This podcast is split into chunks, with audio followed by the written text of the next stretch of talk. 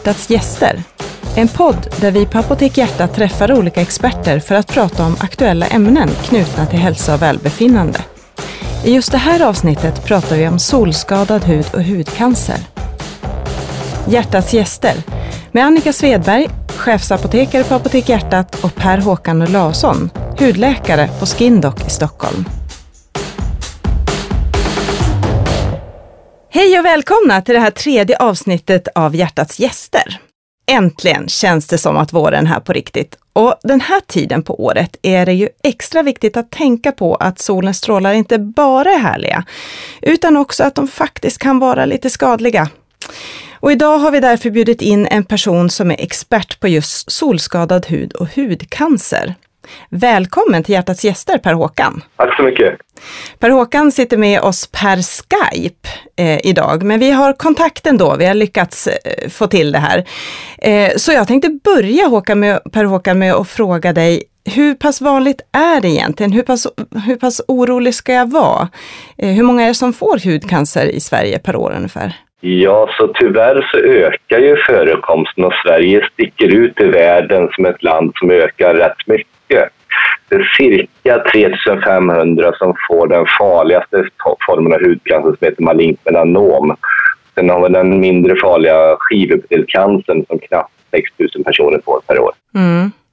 Ja, det är en del i alla fall. Och jag tycker nu, nu hör man talas mer och mer om det här. Det har skrivits en del i tidningarna och faktiskt så är det ju en och annan i bekantskapskretsen som också har fått olika typer av solskador och faktiskt till och med malignt melanom. Men eh, när är det vanligast att man, att man drabbas av hudcancer? I vilken ålder? Eh, 60-årsåldern är det vanligaste eh, och uppåt.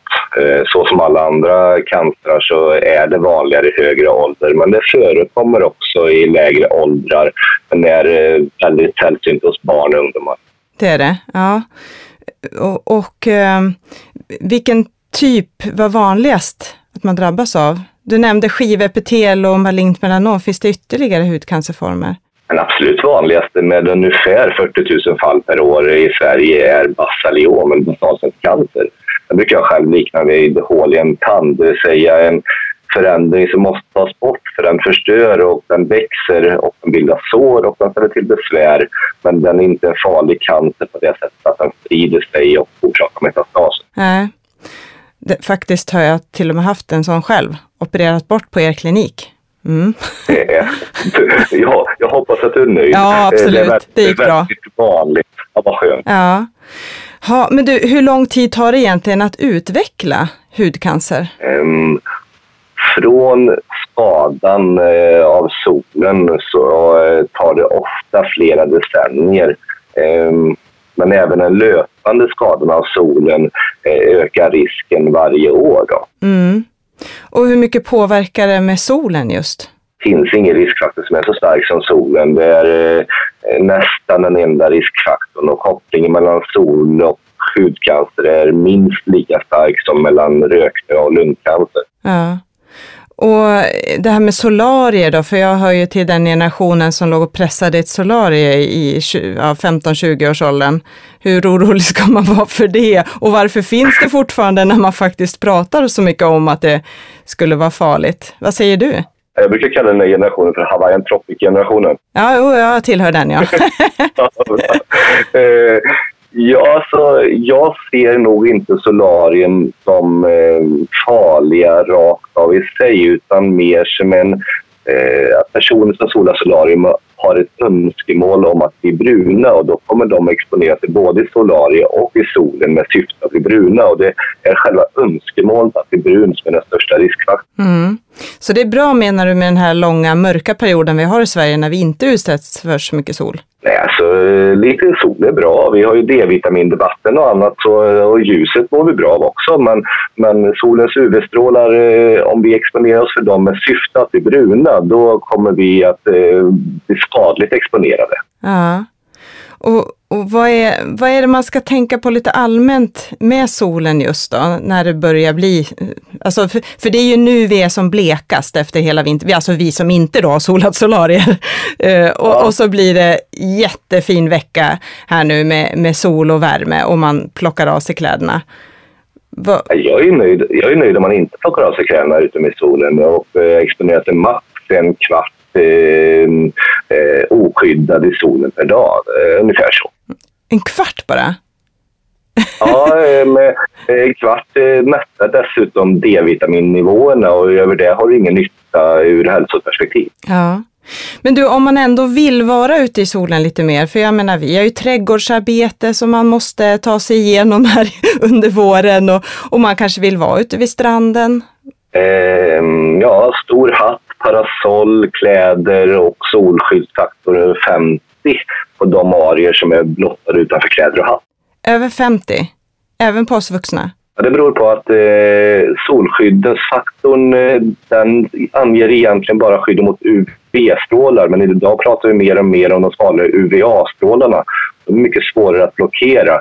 Eh, där finns det ingen eh, SPF-faktor egentligen eh, standard idag och för att skydda mot det så är det svårare att tillverka solskydd och det är egentligen bara solskydd med minst faktor 30 och ofta faktor 50 som har bra UVA-skydd.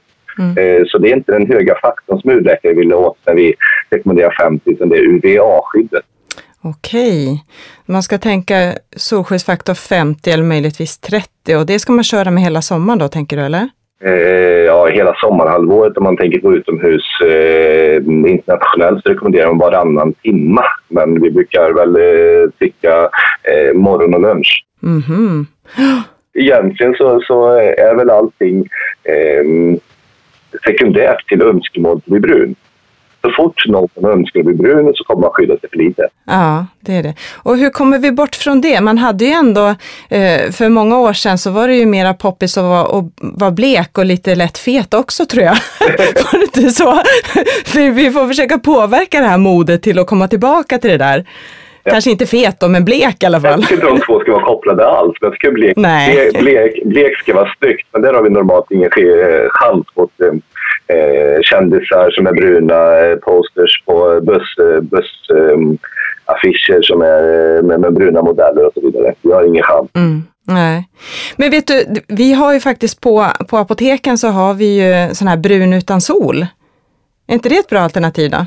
Om man nu vill vara brun. Ja, men det är superbra faktiskt. För att det, det, det är egentligen bara en infärgning av eh, hudens yttersta lager och eh, är eh, ofarligt i sig. Men man får inte lura sig att tro att den bruna färgen man får så konstig och kväg att den är solskydd. Utan den är, eh, den är bara en färglager utan extra solskydd. Så man kan ju bränna sig under så man behöver solskyddskräm också. Ja, just det. Och du, när vi nu pratar om det här med att bränna sig, för det är väl ändå att bränna sig som är det mest skadliga, eller har jag missuppfattat det? Ja, så rent biologiskt är det så att eh, den bruna färgen i huden skapas av en DNA-skada i cellen. Mm. Eh, den DNA-skadan startas av solen. Då. Så att det går rent biologiskt inte att bli brun utan att ackumulera en DNA-skada i cellen och öka sin risk. Eh, så det här med brännskada är ett svårdefinierat begrepp. Okay. Alla som har fått färg har egentligen fått en brännskada. Ja. Men de där gångerna när man har legat och, och kvidit i, i sängen och haft eh, våta påslakan för att man har varit knallröd, det känns väl... Det lät inte nyttigt. Nej, det inser jag också att det inte har varit. Men det måste väl ändå vara värre? Ja, det är klart. Det är en, det är en gradskillnad. Graden av brännskada avgör ju naturligtvis eh, framtida risken. Så, så eh, om man kommer tillbaka från en solig dag och känner att det hettar i huden så har man skyddat sig för lite den dagen. Ja, man ska helt enkelt inte känna av att man har varit ute i solen på kvällen.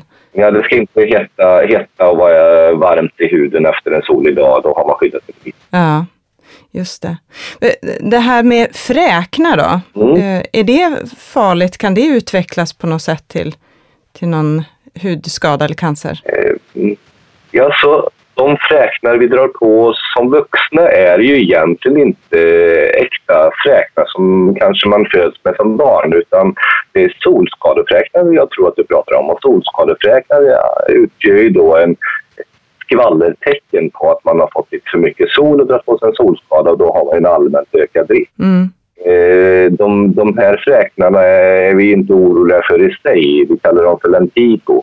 Men bland de fräknarna på de här solskadade ytorna så kan det ju dölja sig och gömma sin hudkant. Mm. Just det. Och och bland alla de här äh, fläckarna man har då, vad är det man ska vara observant på? Vad är det som gör att man kanske ska reagera och ta kontakt med, med vården? Om man, om man tittar på en specifik fläck. Ja, den regel som har visat sig funka absolut bäst heter fula ankungeregeln. Den går ut på att om man har många fläckar av samma typ så behöver man normalt inte tänka på det. Men om man står på helkroppsspegel eller några mer meters håll så, och reagerar på en specifik avvikande fläck så kallar vi den för fula ankungen. Då ska man söka. Nästan lite grann oavsett hur den ser ut. Men, men du, om man, om man då eh, upptäcker en sån här fula ankungen-fläck någonstans eller man har någon, någon anhörig som, som reagerar, vad, vad gör man då om man börjar bli orolig? Eh, då ska man söka vården och då söker man ju en riktad misstanke på att man har något avvikande. Eh, och då tycker jag att eh, sjukvården ska ta emot för bedömning eh, relativt snabbt. Ehm, jag tycker också att man eh, ska se till att man söker eh, någon som kan hjälpa till att bedöma med så kallad dermatoskopi. Ett instrument som läggs mot huden och eh, antingen genom fota eller genom titta så bedömer man på ett helt annat sätt än bara genom undersökning i ögat och eh, vanlig kamera. Ja, just det. Och där har vi ju faktiskt ett antal eh, apotek inom Apotek Hjärtat där vi hjälper till att ta sådana där eh, bilder och skickar till hudläkare för bedömning också. Eh, så att man får lite hjälp på traven. Men sen måste man ändå vända sig till, till en hudläkare om det är en misstänkt fläck. Och vad gör man då? Vad gör hudläkaren? Aha, vi tittar med dermatoskopi en gång till. Hudläkaren Hudläkaren vill alltid jämföra med andra prickar man har för att se om eh, det är verkligen fula ankungen jämfört med andra prickar. Och sedan har vi eh, kunskap och algoritmer för att eh, eh, se om den är misstänkt eller om vi kan avskriva den som ofarlig. Om vi kan eh, tycka att något är misstänkt då blir det vanligen kirurgi eller om det är en eh, tidig förändring kanske bara tar ett prov i den. Mm. Och så tar man bort eh, fläcken då, kirurgi. Jag vet ju att det finns flera olika varianter av, av sätt att ta bort hudfläckar. Jag har ju själv varit med om två. Men kan du be beskriva lite vad ni, ni gör? De, de, de eh, misstänkta lite mer farliga fläckarna som, eh, de, som vi eh, ligger i spannet om malignt melanommisstanke, de är alltid kirurgi för analys. De ska man aldrig behandla med laser eller frysning eller någonting annat. De ska gå till kirurgi och analys. Mm. De andra fläckarna, de opigmenterade fläckarna som exempel basaliom, där är nästan alltid ett prov först. Och ifall det visar sig att det är ytligt växande i huden, där har vi ett, eh, mer än tio metoder idag som, som kan ta bort i tidiga stadier med ytliga eh, grejer. Eh, det finns både krämbehandlingar, det finns fotodynamisk terapi som producerar eh, estetiskt snygga resultat också. Eh, det finns frysbehandling som är eh, effektivt men eh, ofta skapar en vit fläck efteråt. Och så finns det då kirurgi som alternativ ifall det är en liten välavgränsad förändring eh, även i de fall det kanske inte är nödvändigt med kirurgi. Mm, mm. Hur ska man då tänka när man har barn? För barn håller man ju bara inte inne och de slänger av sig kläder och speciellt vill de, eh, alltså på sommaren då, eh, vill de ju vara i och bada så mycket som möjligt. För ens barn vill man ju verkligen skydda så mycket man bara kan. Vad skulle du ge oss för råd då? Jag tycker vi ska lära oss av Australien. Eh, vi ska eh, lära oss att stoppa på eh, barnen solskyddsdräkter, eh, solskyddshatt på stranden och eh, smörja på kräm på de ytor som är blottade i övrigt. Mm. Det är det som gäller. Ja, barnen ska vi skydda. Ja. Är det så att man har extra känslig hud när man är barn? Är man extra känslig mot, hudens, eller mot solens strålar då? Ja, dels det och dels så eh, får vi faktiskt en väldigt hög del av eh, eh livets UV-strålexponering just under barnaåren och det utgör ju då en risk senare i livet. Så kan vi minska UV-exponeringen under barnaåren så har vi vunnit mycket några decennier senare. Mm. Om, om man då skulle ha drabbats av, eh, av malignt melanom. För, förlåt, eh, vad... förlåt, förlåt, får jag bara ja. flika in det med ja. barnen?